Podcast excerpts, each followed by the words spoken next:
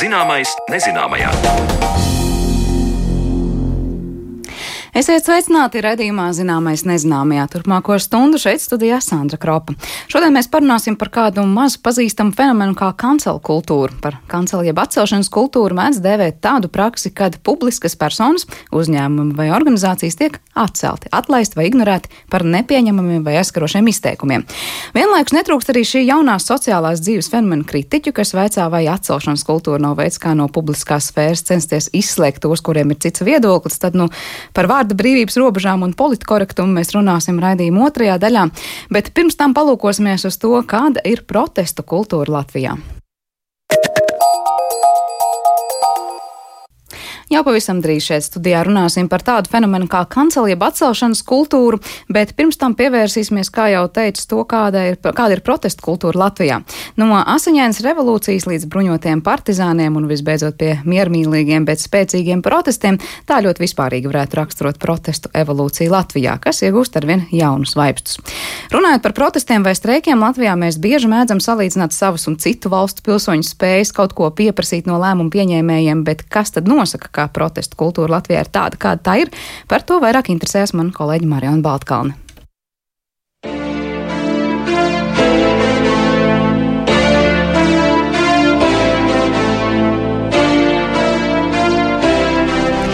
Teorētiski mēs varētu runāt par noteiktām protestu tradīcijām vai formām, taču ir jāņem vērā, ka arī vienas valsts ietvaros tās var būt atšķirīgas.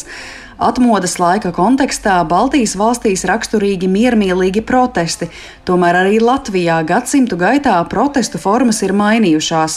Tā piemēram ir bijusi 1905. gada revolūcija, nebūt nemiermīlīga.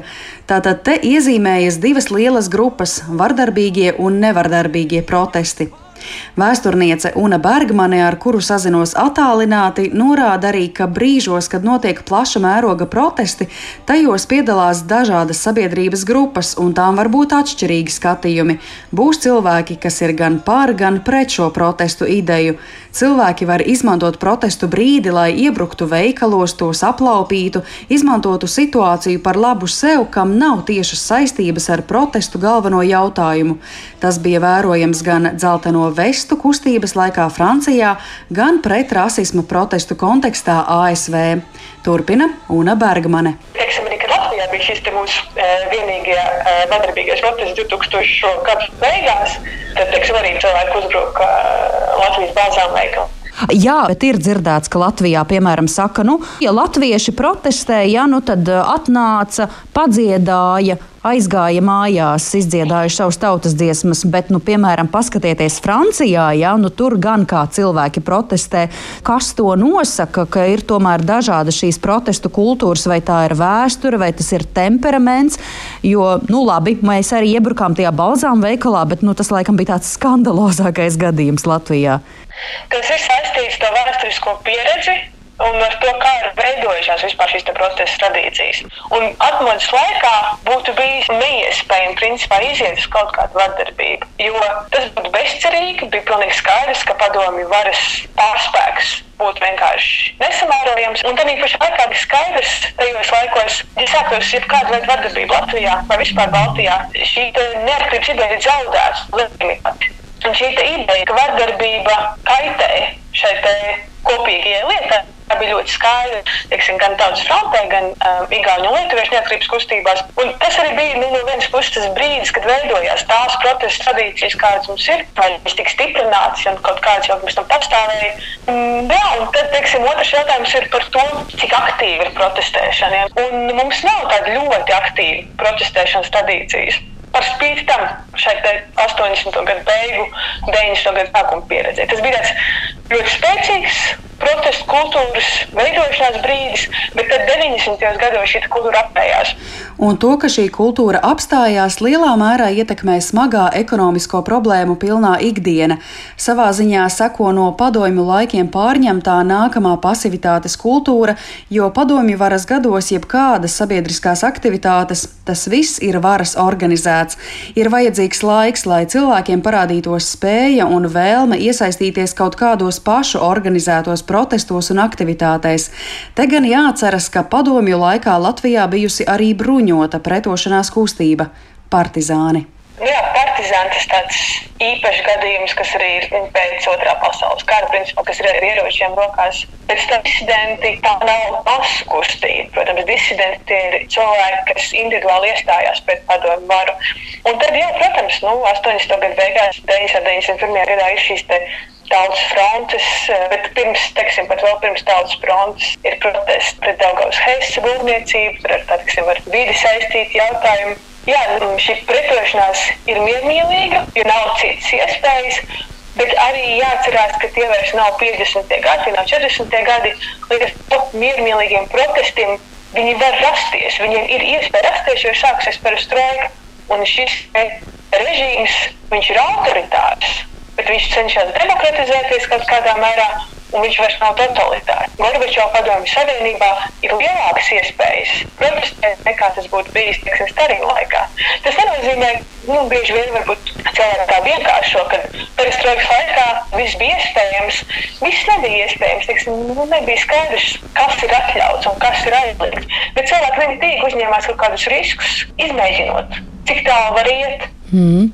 Nu jā, līdz ar to tie nevardarbīgie protesti zināmā mērā pat 80. Eh, gados ir eh, nu, vienlīdz spēcīgi vai varbūt pat spēcīgāki par to, kas ir noticis agrākajās desmitgadēs šīs bruņotās pretošanās.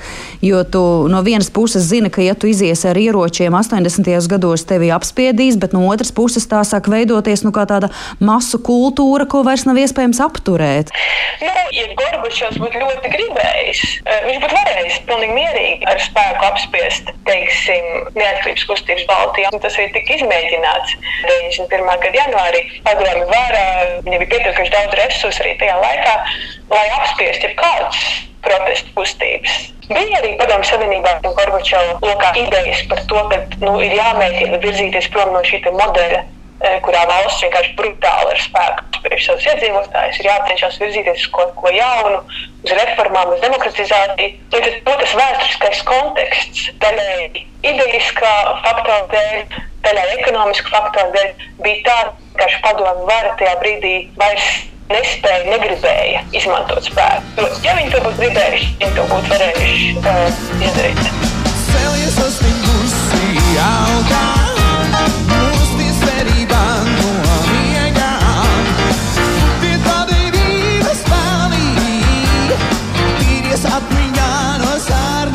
Kā jūs vispār vērtējat, vai mums šobrīd Latvijā pēc neatkarības atgūšanas ir vispār protestu kultūra kaut kāda nebūtu vērojama, vai nu, viņa tiešām ir tāda pasīva, mērena, miermīlīga, ņemot vērā to, ka mums ir šī 50 uh, gadu pieredze, kur tev nav ticības, ka tavam vārdam ir spēks? Situācija Latvijā ir uh, mainījusies salīdzinājumā ar 90. gadiem. Un arī es gribētu uzsvērt, nav tā, ka vienīgais veids, ja, kā risināt problēmas sabiedrībā, būtu protesti. Protesti uh, var būt efektīvs veids, kā sabiedrībai paust savu viedokli, bet šīs pilsoniskās sabiedrības iesaiste ja, var būt dažādi ļoti.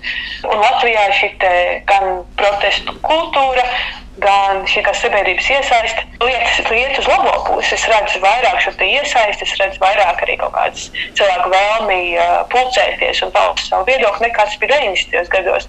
90. gados arī ir jāatcerās, ka ir ne tikai šis padomju mantojums, bet mums ir arī šī cita veida problēma. Ir šī oligarhiskā sistēma, kurā mums ir oligārhi, ir cilvēki, kas vēlās ietekmēt politiskos procesus, ir šī te, tā saucamā valsts nozagšana, un šie spēki arī caur presi, tajā laikā bija noteikti preses izdevumi, ko viņi kontrolēja ilgu laiku. Viņi centās radīt priekšstatu, ka pilsoniskā aktivitāte, sabiedrības protests ir kaut kas smieklīgs, nevajadzīgs, rietumu finansēts. Un tas arī veicināja šo pasivitāti. Bet, teiksim, šobrīd mēs šeit Latvijā neesam redzējuši arī pēdējo gadu, divu laikā. Pavisam nesen mums Rīgā bija liels protests pie Baltkrievijas vēstniecības. Tā bija pilsoniskās sabiedrības iniciatīva ar domu paust atbalstu solidaritāti Baltkrieviem.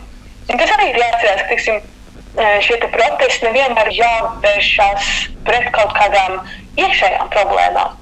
Aizvien vairāk problēmas, ko mēs saskaramies, ir globālas. Teiksim, notiek viens no šiem te, uh, regulāriem protestiem, mērķi piesaistīt sabiedrības uzmanību klimata krīzei, kas notiek Rīgā tika organizēti, bet viņš tiek organizēti arī daudzās citās pasaules pilsētās.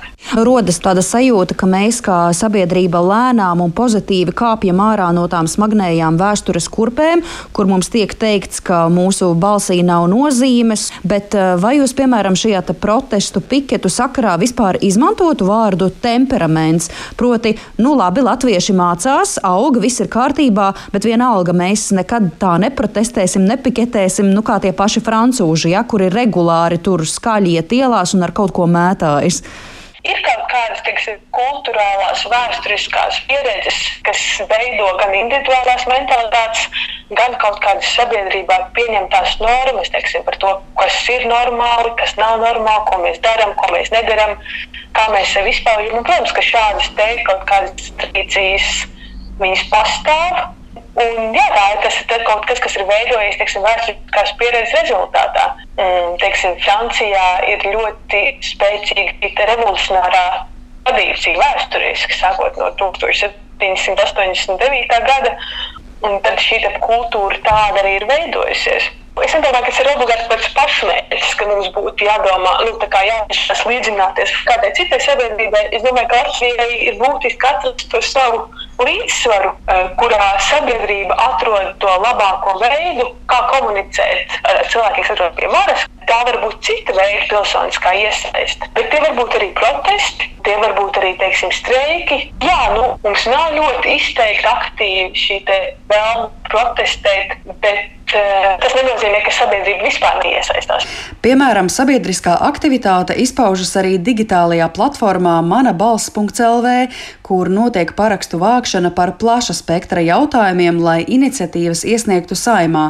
Tāpat darbojas organizācijas, kas aktualizē visdažādākos jautājumus jautājumi, kas skar Rīgas apkaimi, jautājumi, kas skar rūpes par dabu, par mm. vidi. Mm. Marsa parks nesen taču bija, vai ne? Jā, nu jā, tieši tā. Un, teiksim, šīs te grupas, kas organizē ar dialogu, mēģina, teiksim, risināt problēmu. Un reizēm ir tā, ka protests var būt ļoti labs pirmais solis.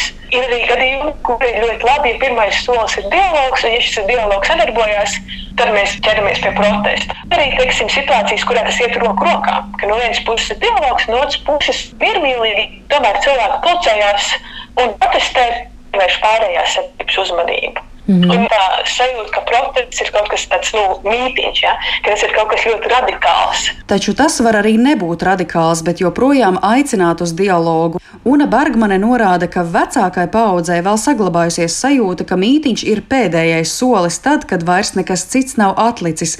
Tikmēr jaunākas paudzes ieskatos mītīņš var būt ikdienas sastāvdaļa. Bet ko Latvijas sabiedrībai varētu būt iemācījuši vēl joprojām notiekošie protesti mūsu kaimiņu valstī, Baltkrievijā? Jā, es domāju, ka tas, ko mēs varam varbūt no tās Baltkrievijas situācijas mācīties, ir par to, cik ļoti mums ir paveicies. Nu, katrā sabiedrībā ir problēmas. Jā. Katrā sabiedrībā ir kaut kas, kas viņus neapmierina. Baltkrievijas aktivitāte mūs var iedvesmot uz vienkārši aktīvāk iesaistīties mūsu daudz mazāko problēmu risināšanu, neriskējot. Nu, teiksim, kā Baltijā viņi riskēja savu dzīvību par savām darba vietām, aktīvi darboties, neuzņemoties kādus tādus fundamentālus riskus. Protestu kultūras vēsturi un attīstību Latvijā attālinātā sarunā manai kolēģei Marionai Baltkalnei skaidroja vēsturniece Una Bergmana. Bet par atcelšanas jeb cancel kultūru mēs plašāk runāsim raidījuma otrajā daļā.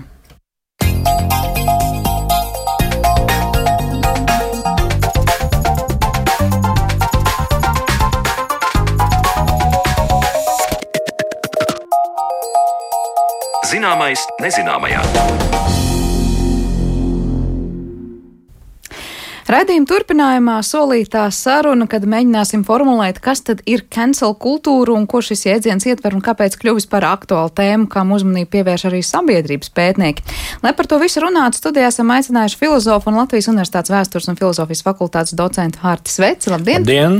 Un Latvijas Universitātes sociālo zinātņu fakultātes docentu Līvu Brīcis. Sveicināti! Labdien! Vispirms, kas ir šī cancel kultūra, kas, es saprotu, no sabiedrības pētniekiem jau kaut kādu laiciņu ir labi zināms fenomens. Saprotu, ka tas, ko tas ietver pa sabiedrībā, ir pastāvējis jau kādu laiku, bet atklājiet, kas īsti tas ir, lai mēs runātu par tādu svešvārdu, ieliktu mūsu mūsu kontekstā? Nu, droši vien jāsāk jau ar to, ka katram mums noteikti, kas ir saskārušies ar uh, cancel, jeb atcelšanas kultūru, ir viedoklis par to, kas tas ir. Un ir ļoti dažādas gradācijas. Nu, mēs varam runāt par tādu vieglo pieeju, kur mēs ietveram tikai tādu nu, virspusējas darbības, teiksim, ir tādas nopietnas uh, atcelšanas lietas, kas ietver atlaišanu no darba un tā tālāk. Bet tādu vienkāršo definīciju es teiktu, ka tā ir uh, nu, idejas vārdā cilvēki apvienojas un uh, atceļ konkrētu personu, biznesu, ideju vai uh, kustību, kas viņiem nav uh, vai nu saprotams, vai pieņemams, vai nu, teiksim, tā attieksme pret šiem konkrētajām lietām ir mainījusies. Tad, kad būs kāds teiks, man ir prasība izdzēst kaut ko to un to, ko tu rakstīji internetā, tas būs cancel kultūras piemērs vai vēl nē? Nē, nē tas nebūs. Cancel kultūra būs principā tāda, nu, es teiktu, publiskā ķengāšanās. Tad pret pe personu, kas to ir. Gan pret personu, gan pret uh, organizācijām. Nu, Latvijas vidē droši vien mēs vairāk esam redzējuši pret personām. Droši vien starptautiskā vidē mēs runājam, ka tas jau ir organizācija līmenī. Tur tas pats arī uh, kolēģi minētais Netflix, kas nu, atcelsim Netflix, cancel Netflix. Nu, liela organizācija.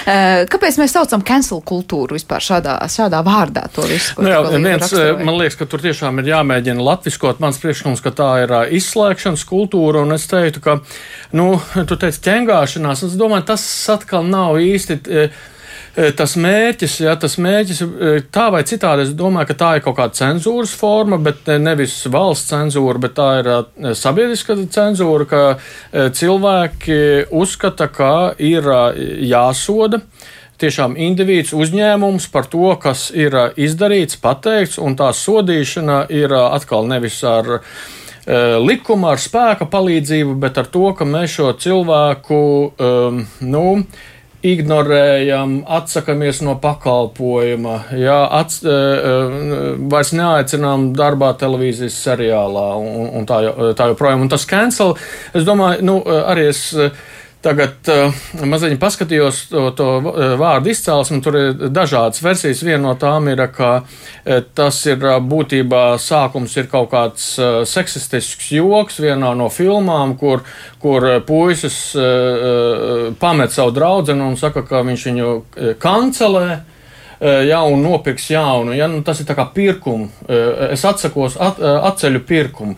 Bet es domāju, ka tur ir vairāk kaut kas, jo es domāju, tas labi saskan varbūt ar. ar nu, gan tādu pakalpojumu atcelšanu, ja kā piemēram es atsakos no Netflix, gan arī ar, ar, ar to, ka es piemēram kaut ko izslēdzu no, no saviem draugiem, ja tur Facebookā, ja, vai nu, nu, ir šie tā, piemēri nu, bijuši jā. Latvijā, kaut vai pieminētas Facebook jā. nāk prātā, kur cilvēks saka, ka visi, kuri tagad visu laiku dalīsies ar tiem tipiskiem mārketinga ierakstiem, nu tur ietago draugu un laimē to un to, es no jums atteikšos. Nu, ir konkrēti redzat, tā ir cancel kultūra? Uh, nu, uh, nu, atkal, nu, uh, jāsaprot, nu, ka tas vārds parādās kaut kādā kontekstā, un tad viņš apaug. Un patiesībā tagad definēt, kas ir tā uh, izslēgšanas kultūra, es domāju, ir grūti, jo viņi arī darbojās, kā jau uh, kolēģi teica, dažādos uh, līmeņos. Ja? Un, un viens ir, ka es atsakos no draugiem, otrs ir, ka es mēģinu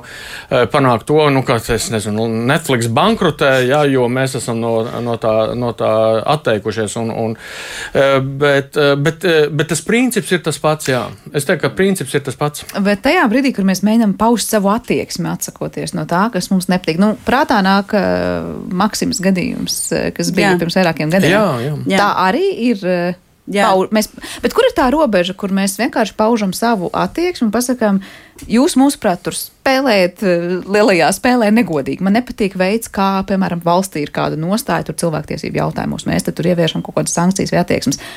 Tā ir no vienas puses tā cancel kultūra, kaut kāds fenomens, kaut kas, nu tad varam parunāt labs vai slikts, jā. Ja? Vai tā ir tāda demokrātiska forma, kurā mēs pasakām ar visiem iespējamiem rīkiem, es vēršos pret to, kas man liekas, nu, apdraud cita nākamā cilvēka brīvības un cilvēktiesības vai vēl kaut ko?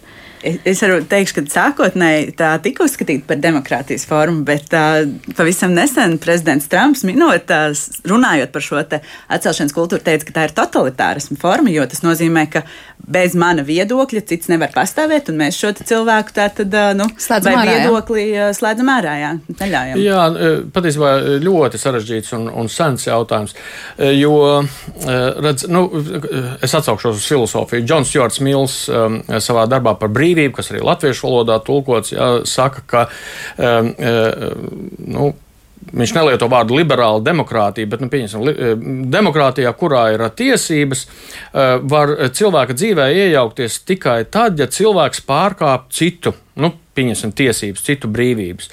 Jā, un, un tā, piemēram, ja es tagad kaut ko pasaku, kaut kādu joku, tad citiem īsti nav tiesības iejaukties, bet viņš piebilst, Tas nenozīmē, ka man ir jādraudzējas ar šo cilvēku, kurš, kura viedoklis man nepatīk. Ja? Un tad es nevis sodu, bet es vienkārši nu, distancējos. Bet mūsdienās ir sevišķi kaut kādos sociālo tīklu apstākļos. Nu, ko nozīmē distancēties? Tas, ir, tas var būt ārkārtīgi smags so, sots. Ja? Nu, nu, un pie tam nav jau runa tikai par sociālām tīkliem. Nu, nu, pieņemsim, ja kaut kāds aktieris, ja, mēs uzrokam pirms desmit gadiem, viņš pateica kādu joku joku, un mēs uh, tagad uh, izslēdzam viņu no jebkādas iespējas, piemēram, mm, filmēties. Ja? Tas ir reāls sods. Un saku, tā, tā robeža starp demokrātisku un nedemokrātisku, tā ir šeit tiešām problēma, liela problēma. Ja? Līvai kāds sajūta vairāk tas velk uz to totalitārismu vai uz to demokrātijas to robežu kaut kādu jautājumu? De, viņš ir šobrīd ļoti, ļoti tāds diskutējams vispār jēdziens un kultūras tas viss ap ko un ko vispār paši šie nu, teiksim, kaut kādas akcijas dalībnieki dara. Jo Viņu ļoti bieži saka, ka tā ir toksiska kultūra, jo tie ir uh, nestruktūrēti, ļoti emocionāli, ātri viedokļi, uh, kuri iespējams vispār nav pārbaudīti. Mēs uh, Latvijā mēs droši vien nerunāsim par tādiem gadījumiem, bet Amerikā tās ir nu, tādas raganu medības, kur cilvēki balstoties uz 17 sekundžu video, kas kļūst virāls, kas ir viens no principā, nu, priekšnoteikumiem, lai šī kultūra attīstītos, uh, viņš tiek iznīcināts, viņam tiek atņemts darbs, uh, kaimiņi no viņa novēršas, nu, un tā jau vairs nav tikai sociālos tīklos. Teiksim, teiksim, tas arī, kā kolēģis minēja, šī izslēgšana, piemēram, no nu, te, televīzijas seriāla, tā ir reāli tavas dzīves, pilnīgi, balstoties tikai uz vienu 17 sekundžu video. Ir tāds uh, teiciens, ka pateicoties šai atcelšanas kultūrai, uh, vistrakākais ir, ka mūs vērtē pēc mūsu vissliktākās kļūdas. Ja? Vai nu mēs, mums ir tas 17 sekundžu video tikko, vai kāds uzrok ļoti sen atpakaļ, arī nu, kaut kādus, nezinu, uh, rasistiskus, nepiedienīgus, uh, aizskarošus tekstus, un mums ir jā, tagad jāatbild par to, kas bija nu, sens un atpakaļ. Bet es tieši gribēju jautāt, labi, vienā brīdī, kamēr tas ir 17 sekundžu video, kur, kā tikko minēja, ja, tad, tad tas īstenībā ir priekšnoteikums, lai rastos tādi no konteksta izrautie vai jā. ne, viedokļi vai pārprastie, uz ko mēs nepārbaudot būvējam savus attieksmes un izslēdzam cilvēku. Bet kas ir ar tiem gadījumiem, kad, piemēram, nu, mēs sakam, kur ir robeža starp to, ka mēs sakam, nu, mēs nevaram tur izplatīt naida runas un rasu naidu celt arī šajā kaut vai raidījumā. Ja? Mēs zinām, ka mums ir robežas, kurās mums ir, nu, mums ir jāiekļaujas. Mēs nevaram pieļaut rasistiskus izteikumus. Kur ir tā robeža, ka no vienas puses tas varbūt pasargā no tā, ka tagad katrs, kuram gribas izteikt kaut kādus rasistiskus izteikumus, nu, tiek tā kā nu, varētu teikt, ierobežots, ka pats sabiedrība pasaka, mums tā nepatīk, ka tā runā. Mums tā Bet nepatīk tas ir tas mērķis. Jā, un, jo, jo tā jau Es teiktu, ka tā ir arī e, būtība e, šai, es teiktu, tomēr e, izslēgšanas kultūrai, ja, kā, kā mērķis daudzkārt, daudz, daudzkārt ir, nu, es teiktu, labs, ja, proti nesamierināties, nesamierināties ar kaut kādu seksismu darba vietā, ja, ar, ar, ar rasismu, kas izpaužās bieži vien ļoti tādās ikdienišķās tādās lietās, kuras ar uh, likumu uh, neviens uh, nes, nesoda. Bet nu, jāsaka tā, ka šī, atkal es teiktu, ka šī, šī problēma par to robežu nav jauna, ka mums nepārtraukti nākas šādā veidā. Nu, meklēt šo robežu. Jo nav, diemžēl, nu, piemēram, filozofija vai kaut kāda teorija nevar precīzi pateikt, kur katrā gadījumā novilkt šo robežu. Un, un tas, piemēram, ka mums ir šī diskusija, ir daļa no, no šīs robežas meklēšanas. Ja? Tā, tā, tā tas arī izpaužās. Ja? Sabiedrība ir pārāk sarežģīta, lai varētu paņemt kaut kādu vienkāršu principu un pēc tā bliest.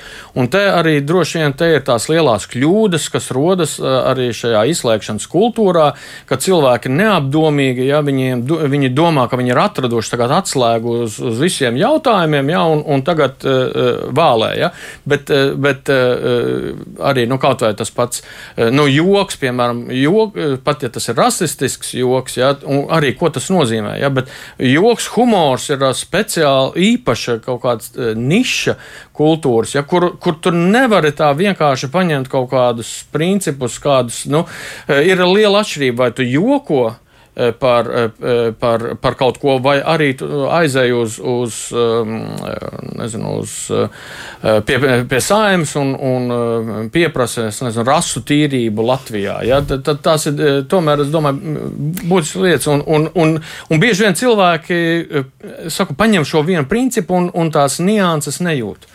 Bet nav tā, ka tas kaut kādā mērā atspoguļo nu, tādu sabiedrības vai briedumu vai, vai, vai, vai nu, izaugšanas pakāpi, nu, piemēram, par to pašu humoru runājot vai jokiem.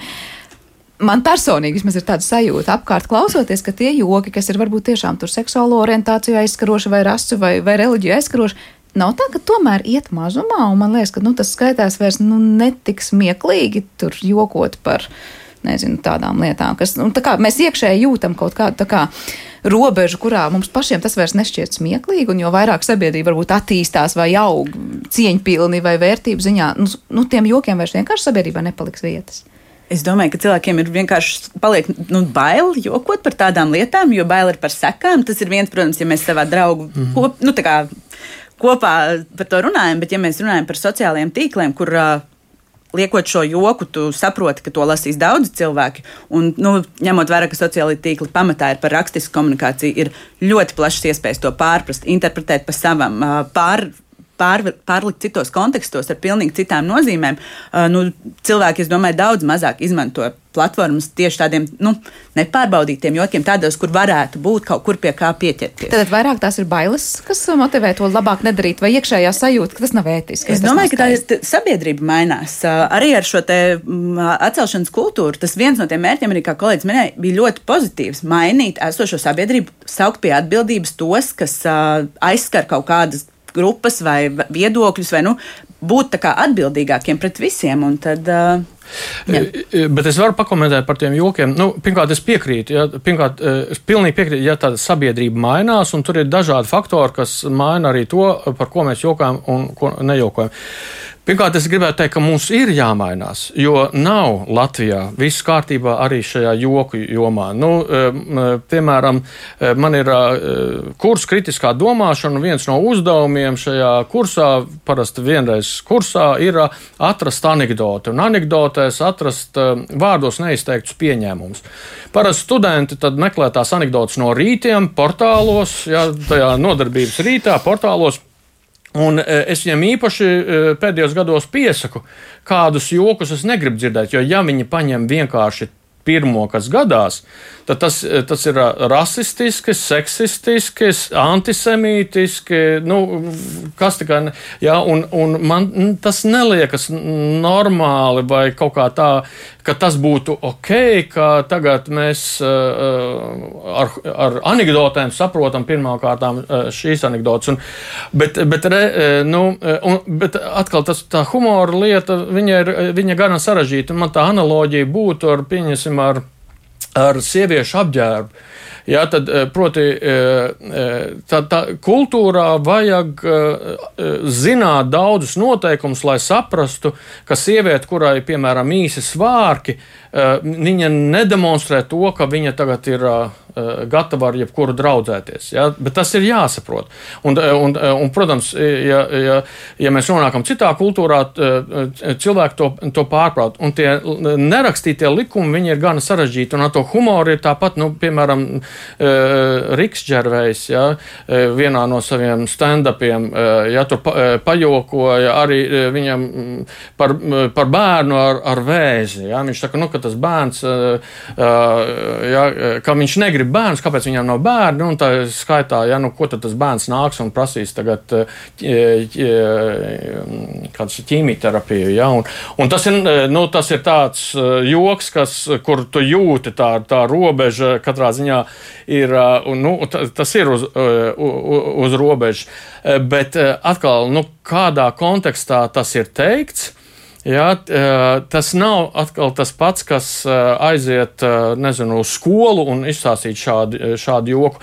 Un, un, un, un tāpēc tās, tā, tā, tā, tie noteikumi ir gana sarežģīti. Kā tad sanāk tās digitālās mūsu platformas un sociālie tīkli, kuros nu, vairāk vai mazāk dzīvojam, ir tā iespēja, kur augt tam? Tam, tam izslēdzošajai, tā izslēgšanas kultūrai. Vai tā ir tā, kurā nu mēs pret to cīnāmies? Kā sanāk? Šobrīd es teiktu, ka tā, tie ir abas pozīcijas atrodas sociālajos tīklos, jo uh, sociālā, nu, principā. Viss, kā sociālai tīkli ir uzbūvēti, ļauj šai kultūrai notikt un veidoties. Un, uh, tas, kas ir piemēram Twitterī, kur pamatā mēs redzam šo atcelšanas kultūru, ir tas, ka mēs uh, ļoti viegli atrodam līdzīgi domājošos. Mēs viņus iespējams nepazīstam, nu tā personīgi mums ir ļoti vājas šīs saiknes, un mēs, oh, rekur, es arī nepiekrītu tam, un mēs apaudzējam visus šos nepiekrišanu un pretestību un nu, kaut kādu to domu, ka mums tas nav pieņemami vienkārši tīkli iekšienē izveidojas milzīgs, milzīgs tāds mučkulis ar viedokļiem, un uh, no tā mums tad ārā nāk tā atcelšanas kultūra. Bet mums otrā pusē stāv cilvēki un saka, hei, bet uh, padomāsim, apstāsimies. Šis cilvēks dzīvo arī ārpus sociālā tīkla, arī ārpus kaut kādiem video, kaut kādiem veciem, seniem tvītiem, kas, nu, bet droši vien arī te ir jānošķir tā atcelšanas kultūra, tā kā tās da dažādās vidas, jo ir izteikti viena, kas dzīvo tikai sociālajos tīklos, kur notiek gan šī te, uh, meklēšana, cilvēku uzrunāšana, viss noskaidrošana, un ir otra, kur mēs runājam par sabiedrības zināmiem cilvēkiem. Jo tā ir tā, ko minēja gan par Amerikas Savienotās valstīs, tie ir komiķi, tie ir aktieri, tie ir producenti. Uh, viens no tādiem nu, komunikācijas uh, viedokļiem ir, ka uh, tieši ar mītū kustību un ar uh, Weinsteina bija tas bija sākums atcelšanas kultūrai, jo viņu neņēma, viņam tā tad uzteica darbu, balstoties uz, šīm, te, nu, pirms vēl vispār kaut kāda tiesas sprieduma. Salīdzinoši nesenu pagātni, varu teikt, tas sākums šai kultūrai, vai tas ir kaut kas daudz senāks? Nu, principā tas ir sens, tas ir visu laiku bijis. Es gribētu teikt, ka tagad tas ir, nu, pēdējos.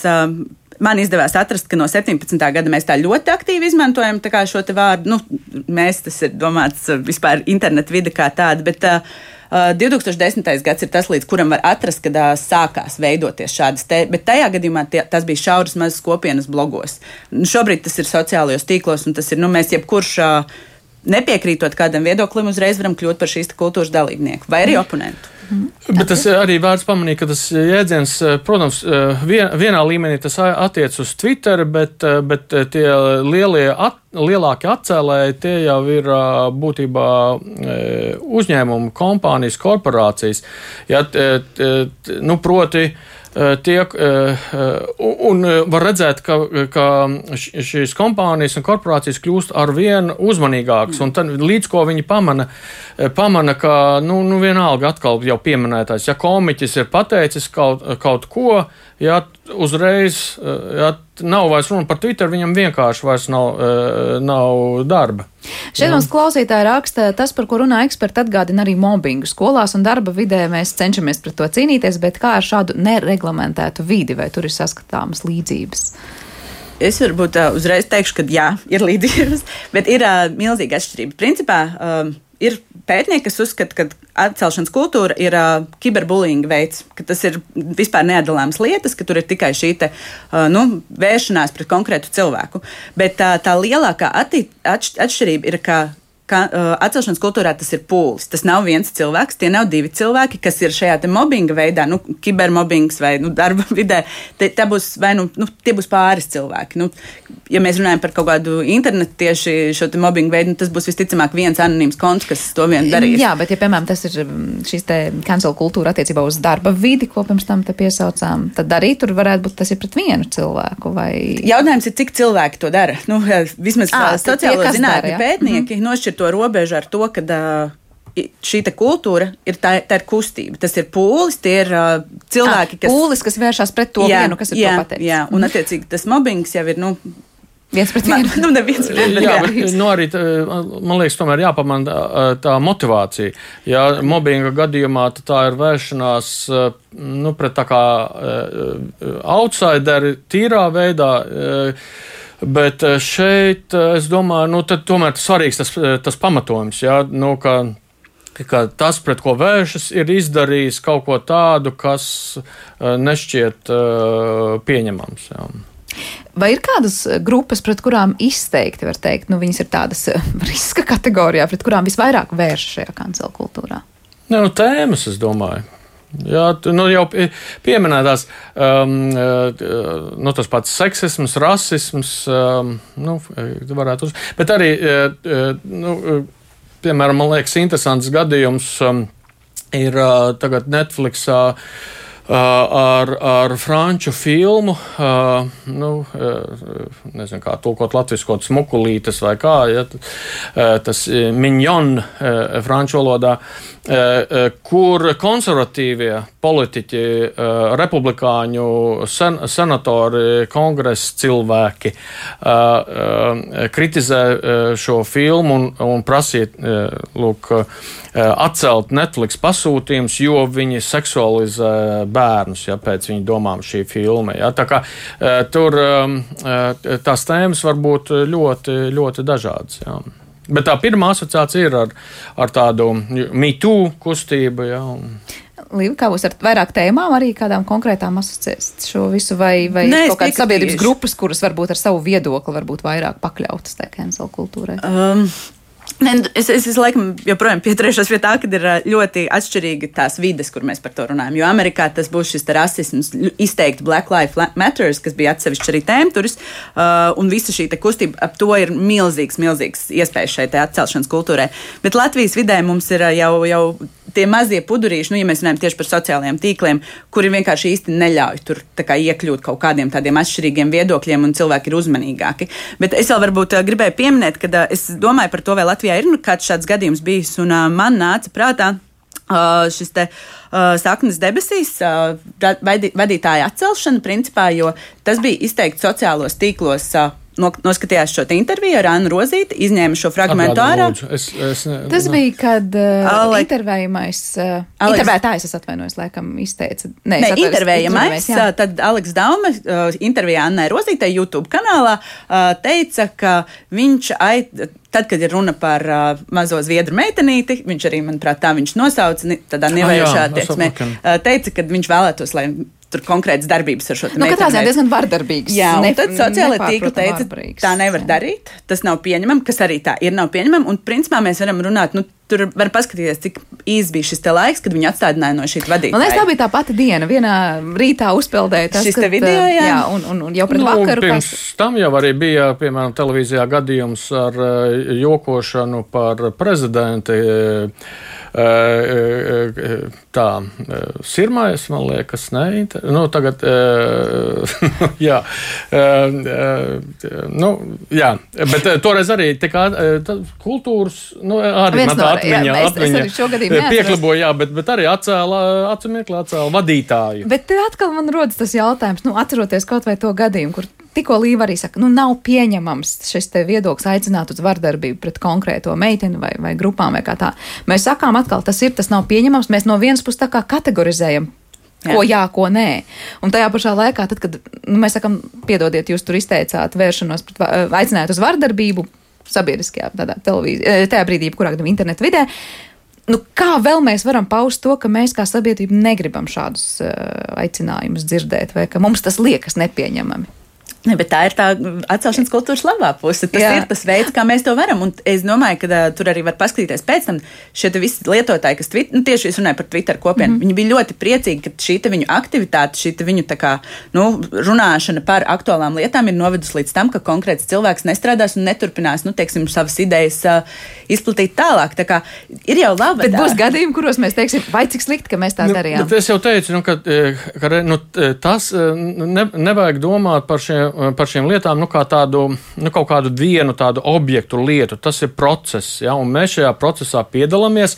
Tas, man liekas, tas aicinājums būtu būt uzmanīgiem.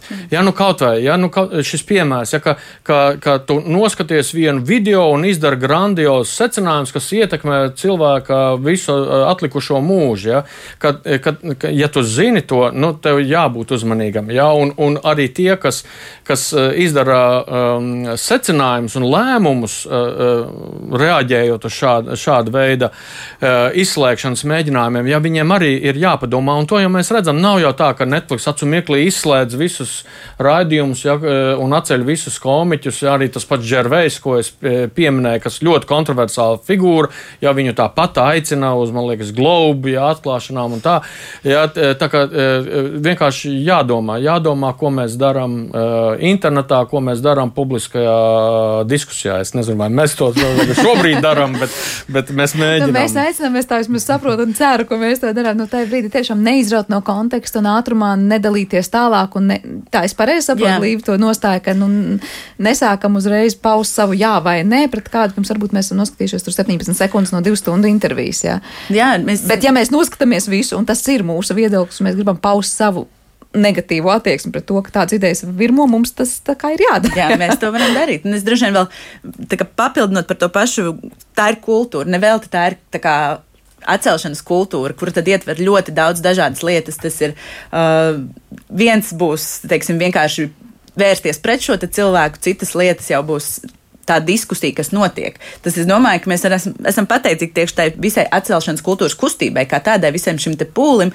kas sāk virzīt kaut kādas lietas, kas ir pieņemamas, kas nav pieņemamas. Nu, mēs nevaram zināt, vai, piemēram, šī Netflix filma, iespējams, pirms trīs gadiem viņa būtu palikusi, nu, tur tā arī gulējas, bet tagad mums ir šī diskusija. Jā, nē, nu, redzēs, kas no tās diskusijas iznāks ārā. Protams, arī Latvijas vidē šo filmu ļoti daudz apsprieda, kur Un pie tam, kas arī ir, visiem bija viedoklis pirms vispār noskatīšanās filmas, šie mazā mm. klipiņa nu, rezultātā. Tā kā, tā kā sāksim ar pirmo soli, ja neizdarīt secinājums tikai no, no klipa noskatīšanās.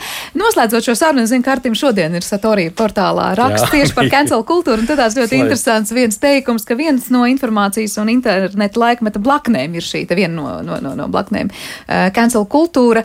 Tas ir tāds neizbēgams šī laikmeta fenomens. Jā, nu, tur ir daudz un interesanti aspekti, bet tiešām man liekas, to mums eh, jāpamana, ka, ka uh, ka šobrīd eh, jebkurš eh, teikums, kas ir ierakstīts pagātnē, tagadnē, tas kļūst eh, publisks un, un nav tāda nepubliskā vieta. Ja? Tad kādreiz varbūt bija tur, nezinu, priekšnieks, kurš visiem bija redzams, un tad bija kaut kur nemanāmais darbinieks. Tagad nemanāmais darbinieks pasaka kaut ko tvītā, un acu mirklī tas kļūst publisks, un tas kļūst par par, eh, par zīmolu prestižu jautājumu, ja, tad arī, ja radio kāds tehniķis kaut ko uh, izsakās kaut kur, uh, ja, uh, nu, tas nu, vairs nepaliek tvīta, radio sienās. Tas un tas, tas kļūs par visa radio jautājumu. Ja, un, un rezultātā tiešām tā, tās tehnoloģijas padara mūsu situāciju, nu, nu katrā ziņā mēs esam publiskā,